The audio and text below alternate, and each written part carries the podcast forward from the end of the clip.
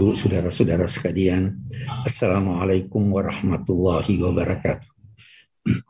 Alhamdulillah, uh, saya merasa bangga, bergembira, dan merasa kembali muda. Saya teringat uh, 30 atau lebih dari 30 tahun yang lalu, saya berada di desa tidak jauh dari Frankfurt, di Marburg bekerja sebagai kuli di sana untuk mengumpul uang dan untuk kita gunakan studi. Eh, saya sangat bergembira bisa berbicara di hadapan saudara-saudara sekalian. kita berhalal bihalal. Eh, yang pertama saya ingin garis bawahi bahwa kata halal bihalal ini punya pengertian khusus yang hemat saya tidak berkaitan maknanya dengan hukum hukum Islam. Karena halal itu dalam hukum Islam terdiri dari wajib, sunnah, makruh, dan mubah. Halal yang paling dibenci Tuhan adalah pemutusan hubungan. Padahal kita menginginkan halal bihalal ini justru menyambung hubungan.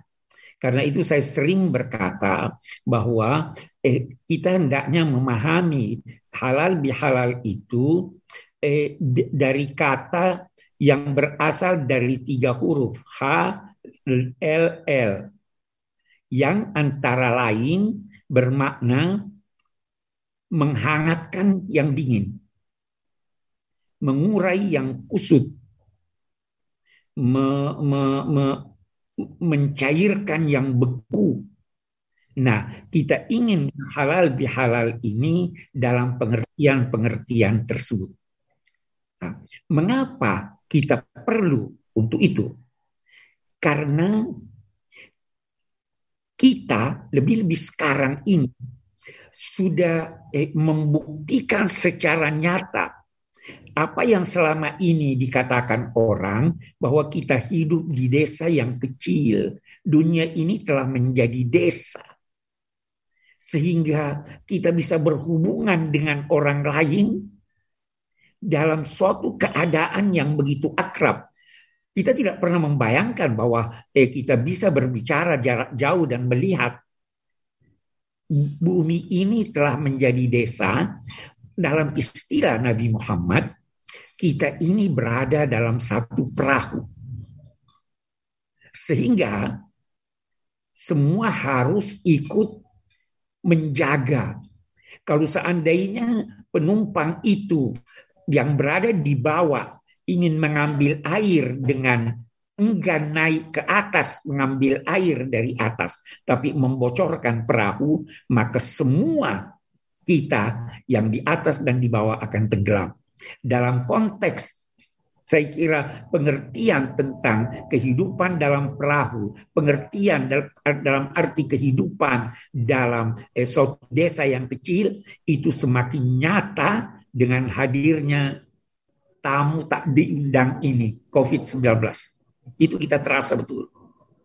Nah, eh, karena itu kita perlu me, merapatkan barisan kita kita perlu berhalal bihalal. Mencairkan apa yang beku. Menghangatkan apa yang dingin. Nah, lebih-lebih karena kita semua sebagai manusia ciptaan Allah diberi tugas untuk memakmurkan bumi ini. Itu tugas kita. Ini ja'ilun fil ardi khalifah. Kekhalifaan itu adalah tugas memakmurkan bumi. Al-Quran menyatakan, ansha'ku ardi fiha. Allah yang menciptakan kamu dari bumi tanah ini dan menugaskan kamu memakmurkannya. Kamu di sini adalah seluruh manusia, bukan hanya muslim. Semua manusia harus bekerja sama untuk memakmurkan bumi. Dan supaya kita bisa bekerja sama dengan baik, kita harus menghilangkan rasa ketidaknyamanan, kita harus menjalin hubungan dengan mencairkan apa yang beku, menghangatkan apa yang dingin itu. Itu dalam konteks ini tadi. Nah, eh, kalau kita membuka lembaran-lembaran Al-Quran, eh, eh, seruan pertama, saya garis bawahi seruan pertama yang kita temukan adalah ya ayyuhan nas. Itu seruan pertama di surat Al-Baqarah. Wahai seluruh manusia. Itu berarti kita harus menjalin hubungan baik dengan seluruh manusia. Itu sebabnya nanti ada pernyataan bahwa Wahai seluruh manusia, kami menciptakan kamu berbangsa-bangsa bersuku-suku dari seorang lelaki dan seorang perempuan, berbangsa-bangsa dan bersuku-suku agar supaya kamu saling mengenal. Saling mengenal itu menjadikan kita mengenal apa keistimewaan yang lain, apa kekurangan kita, supaya terjalin kerjasama antar semua tanpa melihat agama, suku, atau bangsa. Kita diminta untuk saling mengenal sehingga melahirkan saling pengakuan tentang eksistensi masing-masing. Pengakuan eksistensi masing-masing itu melahirkan penghormatan. Walaupun harus digarisbawahi bahwa penghormatan bukan berarti menerima pendapat apalagi agama orang lain. Kita saling menghormati dengan mengikuti tuntunan nilai-nilai agama dan manusia. Tuntunan nilai-nilai agama itu adalah memberikan masing-masing kebebasan untuk menganut ajaran agamanya, memberikan masing-masing kesempatan untuk melaksanakan cita-citanya, harapan-harapannya, dan dalam saat yang sama bekerja sama untuk mencapai aneka kebaikan. Nah, eh, saya kira inti halal bihalal seperti itu. Jadi tidak hanya hubungan akrab antar sesama suku, tidak hanya hubungan akrab antar sesama bangsa, tapi hubungan akrab antar sesama manusia. Karena itu, ada pesan siapa yang Anda temui. Kalau dia bukan saudara Anda seagama, maka saudara maka dia adalah saudara Anda sekemanusiaan. Dan karena itu pula kemanusiaan mendahului keberagamaan. Saya sering menggarisbawahi ini kalau Anda membutuhkan air untuk berwudu, dan dalam saat yang sama ada anjing yang kehausan yang membutuhkan air itu, maka jangankan manusia, anjing yang membutuhkan air itu hendaknya Anda beri dan Anda tidak perlu berwudhu menggunakan air itu. Karena masih ada tanah untuk kita gunakan bertayamum. Kenapa demikian? Karena kemanusiaan mendahului keberagamaan. Karena itu Allah berpesan, layak Allah tidak melarang kamu la 'anil lam fid din yukhrijukum min diyarikum an tabarruhum wa. Allah tidak melarang kamu berbuat baik, berlaku adil, memberi sebagian harta kamu kepada orang-orang yang tidak memerangi kamu dalam agama atau tidak mengusir kamu dari tumpah darah kamu. Nah, jalinan ini yang kita ingin wujudkan, jalinan ini yang kita ingin pelihara. Nah, eh, itu halal bihalal. Dari sini perlu maaf memaafkan. Nah, kalau kita berbicara tentang maaf, saya ingin menggarisbawahi begini. Manusia itu mempunyai banyak daya kita bisa eh, me, me, me, me, meringkaskannya dalam empat daya. Ada daya fikir, itu yang menghasilkan kecerdasan, fikir, menghasilkan ilmu dan teknologi. Ada daya kalbu yang menghasilkan rasa, iman, akhlak. Itu daya rasa.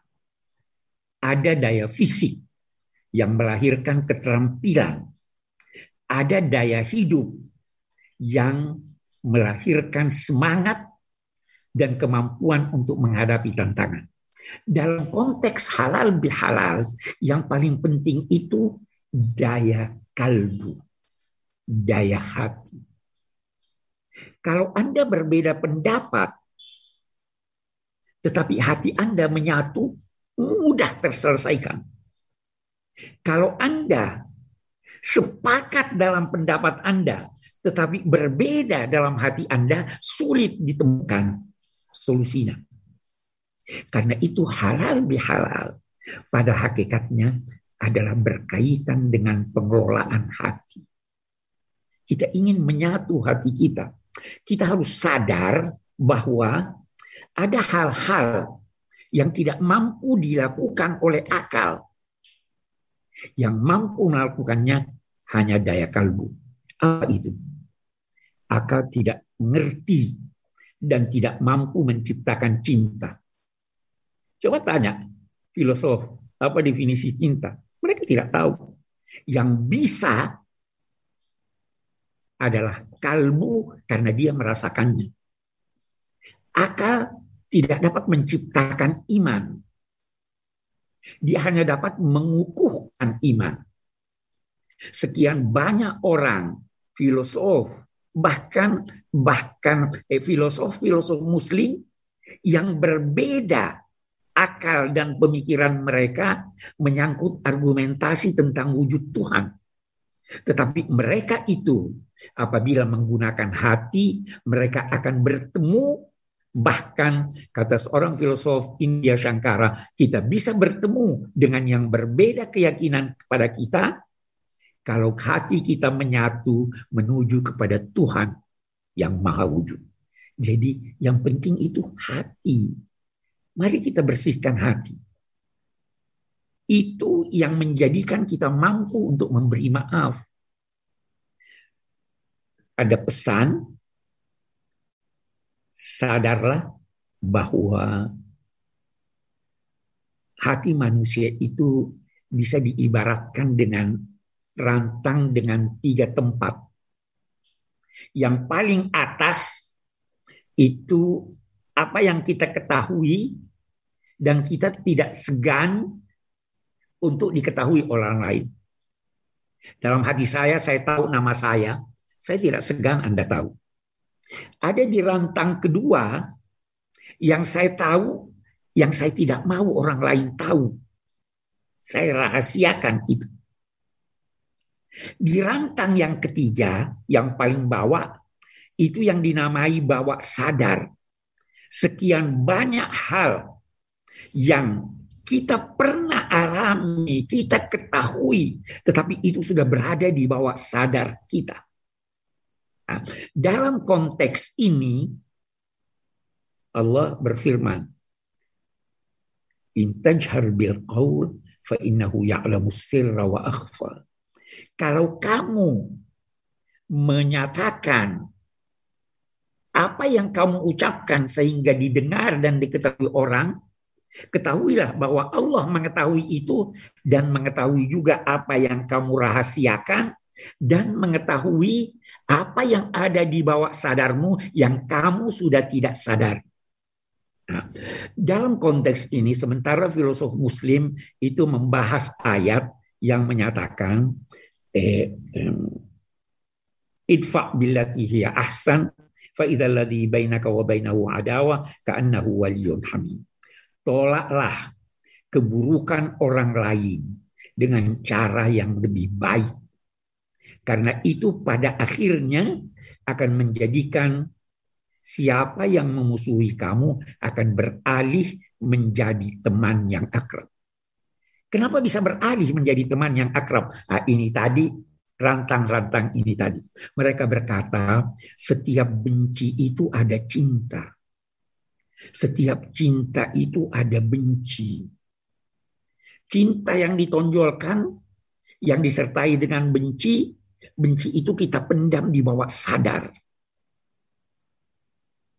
Benci yang kita tonjolkan ada cinta, itu yang kita pendam di bawah sadar. Itu sebabnya ada yang dinamai benci tapi rindu. kita pendam di bawah sadar. Ketika Anda berbuat baik kepada orang lain yang pernah yang pernah memusuhi Anda atau berbuat baik kepada yang memusuhi Anda, apa yang terjadi? Semua cinta yang tadinya terpendam di bawah sadar itu muncul ke atas sehingga menjadikan seseorang itu menjadi akrab karena ketika itu cinta yang ada di bawah sadar yang telah terpendam selama ini itu yang nampak ke permukaan sehingga terjalin hubungan baik. Karena itu pesan agama. Kalau mau marah, tahan amarah Anda. Tahan untuk berpikir. Apa ini sudah wajar marah atau tidak? Kalau harus marah, jangan sampai kemarahan Anda nampak di wajah Anda. Kalau harus nampak di wajah Anda, maka jangan sampai lidah Anda bergerak. Kalau lidah Anda harus bergerak, jangan sampai dia melampaui batas. Kalau lidah bergerak dan melampaui batas, jangan sampai tangan Anda bergerak. Jadi tahan amarah itu tahan untuk melihat apakah ini sudah wajar kita marah. Kalau sudah wajar, apakah sudah wajar ini ditujukan kepada si A? Karena boleh jadi si A tidak salah. Kalau sudah wajar bahwa ini memang si A, tahan lagi. Apakah ini sudah waktunya atau tidak? Kalau sudah berkata ini waktunya, tahan lagi. Agar supaya apa? Untuk mengukur bagaimana kadar kemarahan yang disampaikan. Nah, kita ingin menyadari bahwa kesalahan yang dilakukan oleh, oleh orang lain itu bisa kita lakukan lebih buruk dari itu. Kita ingin dimaafkan orang, kalau begitu maafkan dia. Bisa jadi kesalahan yang dilakukannya itu adalah akibat faktor luar. Boleh jadi dia sedang sedih, boleh jadi dia sedang uh, uh, apa namanya eh, dalam keadaan tidak sadar. Boleh jadi dia tidak lihat Anda. Faktor luar. Boleh jadi pengaruh setan. Karena itu jangan membenci yang melakukan kesalahan. Maafkan dia.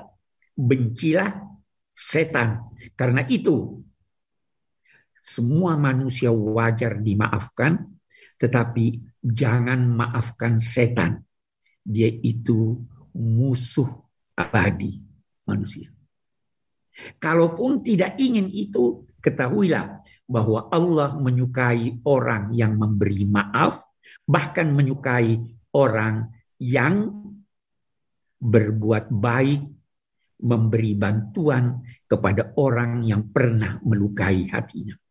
Nah, itu saya kira makna halal bihalal yang mestinya tidak hanya tertuju kepada keluarga dekat, tertuju kepada keluarga besar, bahkan tertuju kepada sesama manusia, karena manusia itu siapa pun dia adalah saudara kita, dan saudara itu adalah yang seudara dengan kita. Karena itu, kucing pun saudara kita, anjing pun saudara kita karena semua seudara dengan kita. Demikian wassalamualaikum warahmatullahi wabarakatuh. Waalaikumsalam warahmatullahi wabarakatuh. Terima kasih Profesor Quraish Shihab atas uh, tausiahnya di awal sebagai pemanasan. Sekarang kita lanjutkan pada pembicara berikutnya yaitu Kiai Haji Ahmad Bahaluddin Nur Salim. Waktu dan tempat kami persilahkan sekaligus permohonan maaf karena mengatur-ngatur Kiai ini Gus. Monggo Gus. Itu asyafaqah alal khalqi kullihim e, punya empati, punya kasih sayang ke semua makhluk. Bahwa takdir kita ada perbedaan itu ya wajar, tapi bahwa definisi itu nyata. Tadi beliau menyebut termasuk satu saudara atau satu komunitas dengan makhluk-makhluk Allah yang lain. Pernah suatu saat Nabi memuji ada seorang nakal itu diterima tobatnya Allah karena di jalan ketemu anjing kemudian ngasih minum anjing itu dan Allah mengampuni. Meskipun secara hukum usul fikih tidak bisa digeneralisir. Misalnya kalau minumin anjing satu surga, kalau seratus tambah surga. Nanti lupa minumin manusia gara-gara kebanyakan minumin anjing gitu. Tapi apa pun itu faktanya ada cerita di hadis seperti itu. Kemudian menyangkut komunitas internasional yang beberapa di antaranya tentu beda agama, beda keyakinan. Saya mau membacakan cerita di kitab Ar-Risalah Al-Qusyairiyah. Jadi saya hanya membantu referensi-referensi yang eh, diajarkan guru-guru kita. Ar-Risalah Al-Qusyairiyah adalah kitab kesayangan Mbah Maimun karena dulu Mbah beliau dapat ijazah dari Said Umar Sato, kakaknya Said Abi Bakar Sato yang punya kitab I'anatul Talibin. Dan kitab itu dibawa ke Indonesia sampai ke saya sebagai murid beliau di antara yang disebut dalam Arisal Al-Qusyairiyah ini Torikotu Ahlil Ilm, kitab Arisal Al-Qusyairiyah itu. Saya baca nasnya atau ibaratnya atau teksnya. Sami itu ba'dal ulama yakulu istadofa majusiyun Ibrahim al-Khalil alaihi salam faqala bisyarti antus lima Famarral majusiyu fa'awhawahu ta'ala ilaihi mundu khamsina sanatan nut'imuhu ala kufrih Falau nawal tahu lukmatan min ghairi antu talibahu bitahyiri dini. Famado Ibrahim alaihi salam ala athari hatta adrakahu wa atadzara ilaihi fasalahu anis sabab fadzakara lahu dalik fa aslamal majusiyu. Jadi suatu saat Nabi Ibrahim itu kan terkenal Abu Duyuf, orang yang mesti menservis tamu-tamu itu. Kita tahu dulu itu tidak ada warung, tidak ada hotel, tidak ada ya pokoknya tidak ada mall, sehingga kalau orang pergi itu kelaparan betul itu. Buat orang kaya pun kelaparan karena melewati padang pasir itu. Kalau sekarang kan orang mau sowan kiai makan dulu. Karena takutnya di rumah kiai kan makan sungkan, jadi makan dulu nanti di kiainya tinggal pura-pura makan. Kalau dulu memang makan nih tamu itu wajib betul, kalau ndak ya kelaparan betul tamu itu. Sehingga cerita suatu saat di antara tamu itu berakidah, berfaham majusi. Atau beragama majusi lah gampangannya itu. Terus Nabi Ibrahim nggak mau, saya mau ngasih makan syaratnya anda harus Islam gitu. Akhirnya orang ini putus asa kemudian meninggalkan Nabi Ibrahim. Saat itu saat orang itu meninggalkan Nabi Ibrahim, Allah memberi wahyu ke Nabi Ibrahim. Orang itu umurnya 50 tahun dan dia hidup karena tak kasih makan. Terus kata Allah, "Mundu khamsina sanatan nut'imuhu ala kufri." Saya yang Tuhan saja ngasih makan dia 50 tahun tanpa syarat dia harus Islam. Kamu baru dimintai makan sehari mensyaratkan Islam. Walhasil terus Nabi Ibrahim ngejar orang Majusi itu terus monggo-monggo makan di rumah saya. Singkat cerita terus orang Majusi itu tanya, "Kenapa Anda berubah pikiran?" Terus Nabi Ibrahim cerita bahwa dia di, beliau ditegur Allah kemudian harus melakukan itu. Jadi cerita-cerita seperti itu itu banyak. Dulu kita dengar para kiai sering cerita ketika seorang Yahudi rumahnya diusir Amr bin As untuk pembangunan masjid. Ketika lapor ke Sayyidina Umar, masjid itu yang mengambil tanahnya orang Yahudi harus dikembalikan ke orang Yahudi. Dulu guru-guru kita juga sering cerita si Dina Ali itu pedangnya dicuri sama orang Yahudi. Ketika ketemu di pasar atau di jalan, kemudian Sayyidina Ali yakin itu pedangnya dilaporkan ke Qadi Sureh. Setelah itu Sayyidina Ali diminta buktinya apa, saksinya siapa kalau itu pedang Anda. Saksinya Hasan dan Husain. Tapi kata hakim Said Hasan Husain itu keluarga anda tidak sah jadi saksi. Zaman itu Sayyidina Ali masih berargumentasi Waqat qala Rasulullah sallallahu alaihi wasallam Hasanun wa Husainun sayyidah syababi ahli jannah. Tapi kata Imam Sureh tetap standar saksi itu tidak boleh dari keluarga. Singkat cerita, kodinya itu pakai standar hukum usul fikih, al kaulu kaulu sahibil yad yang dibenarkan adalah yang sekarang megang barang itu. Ketika nggak ada seksi al musaddaq yang dibenarkan al kaulu kaulu sohibiliyat yang dibenarkan ya yang megang barang itu. Sehingga cerita dimenangkan oleh orang Yahudi tadi. Setelah dimenangkan si Ali agak kecewa. Masa seorang Amiril Mukminin sidang di pengadilan negeri kalah. Tapi orang Yahudi tadi akhirnya insaf sadar sampai masuk Islam. Sampai beliau ngendikan bihada takumus sama wal karena ini langit dan bumi berdiri karena keadilan itu jadi ini cerita-cerita referensi yang bisa menolong teman-teman siapa pun berkomunitas internasional. Karena pikiran saya sederhana ya, al ilmu yurisul akhwal. Ilmu itu melahirkan sikap. Jadi kalau kita punya referensi yang cukup tentang toleransi, insya Allah kita hidup di mana saja punya toleransi. Karena toleransi itu juga ajaran agama. Di antara yang diceritakan para guru-guru kita adalah ketika Nabi mau dibunuh oleh orang namanya Daksur. Atau Duksur siapa enggak enggak tahu KTP-nya saya. Kiai kalau baca Daksur. Ketika beliau sedang santai di di satu tempat tahu-tahu ada orang yang mengambil pedangnya kemudian bilang mayam minni ya Muhammad. Sekarang anda sama saya berdua siapa yang bisa menghalangi kamu? Nabi dengan rileks menghentikan Allah. Kemudian si Daksur ini gemetar pedang jatuh kemudian diambil Nabi. Sekarang ya Daksur mayam min yang bisa menghalangi kamu siapa? Orang itu bilang la ahada tidak siapa pun.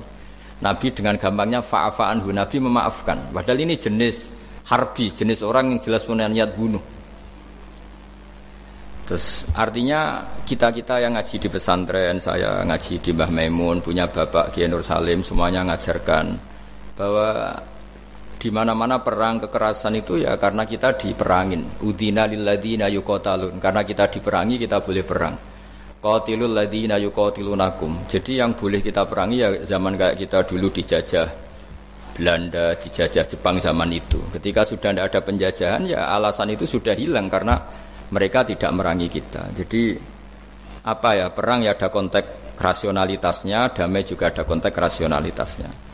Tapi karena kita punya tradisi referensi, teman-teman yang di Jerman tak bantu tadi ada kitab Arisal al Qusairia, terus ada beberapa cerita-cerita tadi kayak Daksur. Kalau ayatnya jelas ya, jelas qatilul ladina yuqatilunakum wa in janahu lisalmi fajnah laha wa tawakkal 'ala Allah. Bahkan seperti yang diceritakan Profesor Kures tadi yang sedang kita benci pun bisa saja suatu saat teman. Dalam surat Mumtahanah itu atau Mumtahinah ada ayat asawwau ayyaj'ala bainakum wa bainal ladina ataitum minhum mawaddah. Bisa saja orang yang sekarang kamu benci suatu saat kamu cintai. Wallahu qadir itu Allah Maha Kuasa dan tadi saya menambahkan yang dikatakan Profesor Kures tentang belajar. Dulu Nabi itu enggak puasa Asyura. Tapi ketika datang ke Medina, orang-orang Yahudi itu puasa Asyura. Coba tanyakan ke mereka, kenapa puasa tanggal 10? Terus mereka menjawab, Yaumun najjawahu fi Musa itu hari yang Allah menyelamatkan Nabi Musa. Terus fa'amaro bisyami. Kemudian Nabi menyuruh sahabat puasa. Artinya dulu itu segampang itu hidup, itu sesuatu yang baik apa ya sudah Ya sudah ditiru. Meskipun kita tahu Nabi itu tentu mustakil bil istihad. Nabi itu orang yang mandiri. Tapi memberi percontohan kita betapa gampangnya kita seperti itu. Dulu ada seorang Yahudiyah meminta-minta sama Sayyidah Aisyah dan dikasih. Ketika dikasih dia mendoakan semoga kamu Aisyah selamat dari siksa kubur. Zaman itu Sayyidah Aisyah itu belum tahu tentang siksa kubur sehingga beliau engkar, nggak percaya. Tapi setelah Rasulullah datang dan diceritanin, Nabi, oh iya siksa kubur itu ada. Dan semenjak itu Nabi selalu istiadah minta per, apa, perlindungan dari siksa kubur. Jadi dulu di komunitas-komunitas apa beda agama apa suatu yang benar ya dibenarkan. Makanya kaidah umum dalam interaksi antar agama itu latu sodikuhum latu tukadzibuhum. Ya kamu jangan bilang iya jangan-jangan enggak. Ya jangan bilang tidak jangan-jangan iya. Jadi aturan ilmunya jelas latu sodikuhum latu tukadzibuhum. Ya artinya sesuai referensi ilmu lah kira-kira begitu. Terus yang terakhir ini saya mohon maaf sama komunitas di Jerman karena saya ini pura-puranya aja sibuk. Karena saya kira ini seberapa jam lagi saya ngajar ini Nanti kalau saya tidak ngajar di sini yang ngundang agak-agak dosa, jadi supaya sama-sama tidak dosa ini saya ya nuruti jenengan tapi ya karena saya ngajar ini juga yang datang orang macam-macam, ada yang Kalimantan, Sumatera mau ngaji di sini. Ini seberapa jam lagi saya ngaji Sahih Muslim. Yang terakhir ini di halaman Kitabu Adabil Ulfa wal Ukhuwah halaman 285 dalam Ihya juz 2. Di kitab saya juz 2. Mungkin kalau beda cetakan yang jelas ikut Kitabu Adabil Ulfa wal Ukhuwah di sini diterangkan oleh Imam Ghazali dengan beberapa riwayat yang disebut al-jironu salah satun. Bertetangga itu ada tiga. Jarun lahu hakun wahid. Ada tetangga yang punya hanya satu hak. Wajarun lahu hakoni wajarun lahu salah satu hukukin. Terus beliau cerita yang punya tiga hak itu ya tetangga, ya seagama, ya masih ada hubungan kerabat. Yang punya dua hak ya tetangga, ya seagama. Terus wa amal lahu hakun wahid fal jarul musyrik. Yang sat, yang punya hak satu itu tetangga yang beda agama. Jadi intinya tetap dikasih hak meskipun beda agama. Sampai di antaranya disebutkan juga di halaman 287 Imam Ghazali ngendikan beliau berfatwa dan beliau bercerita Rawahu Umar bin Shu'aib an Nabi an Jaddih anin Nabi. Terus qala Mujahid kuntu inda Abdullah bin Umar wa ghulamun lahu yaslahu syatan faqala ya ghulam idza salakhta fabda bijarinal yahudi. Abdullah bin Umar itu sedang memasak kambing atau itu pembantunya ini sedang nguliti kambing. Itu pesannya Abdullah bin Umar ya ghulam Ida salah fabda bijarin al Yahudi. Nanti jangan lupa tetangga kita yang Yahudi. Ini di Ihya halaman 287. Hanya cerita cerita cerita kebaikan. Jadi ya jadi cerita-cerita perang itu ya karena kita diperangin. Tapi ya kalau kita dibaikin ya baik itu itu ajaran Islam. Hatta qala dzalika miraron. Faqala lahu lima takulu hada. Ini pembantunya juga nggak langsung menerima. Kenapa saking nggak mau nerimanya diulang-ulang lagi oleh Abdul bin Umar. Faqala inna Rasulullah sallallahu alaihi wasallam lam yazal yusina bil jar hatta khashina annahu sayuwarrithu.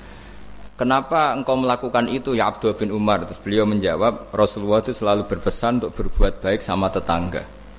Tadi kita tahu kalau tetangga punya tiga hak berarti seagama, ada hubungan kerabat, hakul jar berarti tiga. Ada yang seagama dan tidak punya hubungan kerabat berarti punya dua hak yaitu satu agama dan e, apa kerabat ada yang punya satu hak saja. Ya tidak keluarga tidak seagama tapi karena tetangga itu juga tetap punya hak. Dan itu pun masuk kategori lam yazal yusina biljar termasuk orang-orang yang harus kita baikin. Ya kalau di Qurannya kayak tadi ya qatilul ladzina yuqatilunakum boleh merangi ya yang merangi kita. Udhina lilladzina yuqatalun diberi hak merangi ya sama yang merangi kita, bukan yang tidak merangi kita. Terus waqala Hisam Kanal Hasanu la yara antut imal jarul Yahudiyya wan Nasraniyya min udkhiyatik. Bahkan sebagian ulama di sini disebut Hasan Basri berpendapat kalau berkorban, kalau punya tetangga Yahudi yang butuh nggak apa-apa dikasih dagingnya. Ini di halaman Ihya 287 juz 2. Jadi dari cerita-cerita itu dan referensi-referensi itu teman-teman di Jerman tidak usah khawatir lah kalau kiai-kiai kayak kita itu berfatwa nggak boleh berkomunitas internasional nanti takut begini begini ndak lah. Kita bacanya ya sama seperti yang dibaca Profesor Kures sama yang dibaca guru-guru kita. Jadi itu kalau boleh dikatakan sumbangan saya lah bahwa di kita di pesantren itu ajaran-ajarannya juga seperti itu. Dan tadi beberapa kita saya sebutkan halamannya supaya bisa dicari supaya tidak kelihatan hoax juga tidak bikinan saya gitu supaya jelas itu. Dan saya mohon maaf karena nggak bisa ngikuti sampai selesai tapi saya ngapresiasi semoga jadi sawal yang baik. Minal aidin wal faizin. Minal aidin artinya kita kembali menjadi ahli surga. Saya termasuk yang sependapat dengan kitab yang saya baca. Dulu kita ini ahli surga karena Nabi Adam lahirnya di surga dan diciptakan di surga. Karena satu kesalahan beliau harus kembali ke bumi. Dan setelah puasa itu selesai dan diterima kita kembali ke ahli surga lagi maksud minal aidin kita kembali lagi berstatus sebagai ahli apa surga dan itu dimulai dari saling memaafkan karena yang menghalangi masuk surga itu hak adami manusia itu kan paling kikir untuk memaafkan orang lain. Padahal kalau hak adami belum selesai itu Allah tidak mau memaafkan. Makanya syaratnya masuk surga harus kita saling memaafkan. Dengan cara seperti itu insya Allah kita minal aidin wal faizin. Jadi mohon maaf sekali lagi mohon maaf karena saya tidak bisa ngikuti sampai selesai karena saya harus ngaji karena bukan bukan papa ya memang memang harus andikan sunat itu mungkin saya tinggalkan. mohon maaf sekali. Wassalamualaikum warahmatullahi wabarakatuh.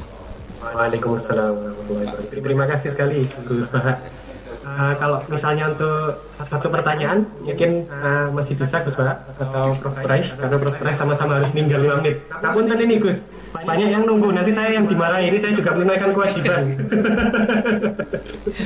Prof. Price, ada satu pertanyaan dari kemarin Satu pertanyaan saya tunggu. Uh -oh. Terima kasih Prof. Ini saya tanyakan langsung Prof. saya pernah mendengar uh, panjenengan menyampaikan tentang konsep kedamaian aktif dan pasif. Yeah. Mungkin bisa dijelaskan, Prof, uh, mengenai hal tersebut, khususnya dalam rangka mempersatukan hati tadi itu, Prof. Eh, baik. Jadi begini, uh, saya beri contoh. Uh, berdamai damai pasif itu Anda tidak ganggu orang. Damai aktif itu Anda memberikan sesuatu yang positif pada orang. Kalau kita berada di bus, duduk tanpa menyapa yang di samping kita, tanpa mengganggunya, kita duduk dengan baik sambil membaca atau merenung, itu terjadi kedamaian, tapi itu damai pasif. Ada yang yang aktif adalah Anda memberi dia ini koran Mas mau baca. Ini permen Mas ajak dia ngobrol dan sebagainya itu damai aktif. Nah, di di Al-Qur'an itu dua-duanya ada itu. Ya. Idza khatabahumul jahiluna qalu salama. Kalau mereka itu disapa oleh orang-orang jahil, mereka tinggalkan. Salama, saya berikan kedamaian, damaian pasif. Nah, ya karena itu pesannya, kalau tidak bisa memberi, jangan ambil haknya orang. Kalau tidak bisa memuji, jangan celah dia. Kalau tidak bisa membantu, jangan jerumuskan dia. Itu damai pasif dan aktif. Terima kasih. Terima kasih Prof. Quraish Sejatinya kami ingin memohon doa juga, tetapi uh, insya Allah uh, sedikit Insya Allah lain kali. Lain kali kita. Ya, Prof. Quraish Terima kasih sekali. Selalu, Prof. Terima kasih, terima kasih. Assalamualaikum. Terima kasih. Waalaikumsalam Sekarang kita lompat kembali ke Gus Bahak. Moga-moga beliau masih berkenan menjawab pertanyaan saya. Ngapunten Gus, satu saja Gus. Panjenengan pernah uh, menyampaikan apabila kebodohan itu merusak, tetapi sok pintar itu jauh lebih merusak. Nah, ini mungkin panjenengan berkenan menyampaikan soal itu.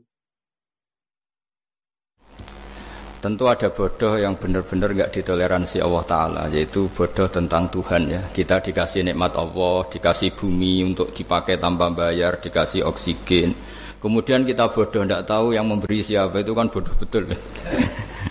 Tapi lebih merusak lagi ketika nggak ngerti mengklaim dirinya sebagai ngerti karena itu artinya kan sesuatu yang harusnya larangan dimengerti gara-gara kamu bilang itu ilmu itu terus diilmukan. Jadi sesuatu yang salah tapi diilmukan. Itu lebih ngeri karena menyesatkan. Saya beri contoh misalnya begini kita kan kita di pondok itu kan ngaji jelimet lah. Jelimet itu ya detail gitu. sehingga kita tahu lah bodoh yang paling nggak ditoleransi itu bodoh tentang Allah. Sehingga ketika pertama kita ngaji awal wajibin alal insan ma'rifatullah pertama yang harus kita tahu itu Allah kita sebagai warga negara Indonesia saja tahu presidennya siapa bupati kita siapa. Masa di buminya Allah tidak tahu yang bikin siapa itu kan kebangetan. Itu nah, itu itu bodoh itu merusak terutama bodoh dalam hal-hal yang harus ngerti ya itu tadi ma'rifatullah. Tapi juga ada yang lebih fatal lagi tidak ngerti tapi menyesatkan dengan klaim ngerti itu yang umat Islam zaman Imam Ghazali itu selalu mengingatkan bahayanya filsafat yang menyesatkan. Misalnya teori tentang Tuhan. Tuhan itu logos, logos terus begini itu jeluwimet sampai yang dengarkan aja nggak paham, yang ngomong juga masih nggak paham, apalagi yang mendengarkan. Tapi itu kan mengkaburkan teori Tuhan yang sejelimet itu. Padahal Tuhan bisa ditemukan dengan cara yang mudah. Tuhan itu siapa? Ya, yang pokoknya yang menciptakan langit bumi itu namanya Tuhan. Tuhan itu siapa? Yang wujudnya paling awal itu namanya Tuhan. Tapi gara-gara diberi penjelasan seakan-akan jelimet ilmiah, padahal itu nggak bener itu hanya nggak bener itu lebih ngeri lagi karena orang akan bertuhan dengan cara yang salah ya kira-kira gitulah contoh ekstrimnya terus saya kasih sekali gimana terus saya nambahi tadi pun, pun. Ya, ya. udah cukup ya akhir penutup permintaan dari kawan-kawan untuk berdoa, Gus. Oh iya. iya. ya, untuk kami-kami yang di sini. Ya, Karena Prof. Siap tadi juga sudah melimpahkan kepanjenengan. Oh ya. Terus saya menambahkan sedikit tentang yang didawuhkan Pak Kures tadi. Memang di terakhir dawuhnya Nabi, kamu harus berbuat baik. Kalau nggak bisa ya Rasulullah, mendukung yang baik. Kalau nggak bisa ya Rasulullah, Nabi terakhir ngendikan takufu syarroka anin nas fa innahu sadaqatun minka ala nafsik. Potensi kejahatan kamu jangan menimpa orang lain itu ya bagian dari sedekah kamu. Jadi takufu syarroka anin nas fa innahu sadaqatun minka ala nafsik. Jadi misalnya bawaan kita baru nggak mood, bawaan kita baru ingin emosi, ya sebaiknya jangan ketemu orang nanti bawaannya cemberut. Tapi kalau bawaan kita sedang baik, ya sudah nggak apa-apa ketemu orang itu. Jadi ya diukur-ukur sendiri lah gitu. Makanya kalau sedang jatuh tempo kredit, banyak utang, tidak usah keluar. Nanti bawaannya ketemu orang marah ya kira-kira gitu. Ya dihitung-hitung sendiri.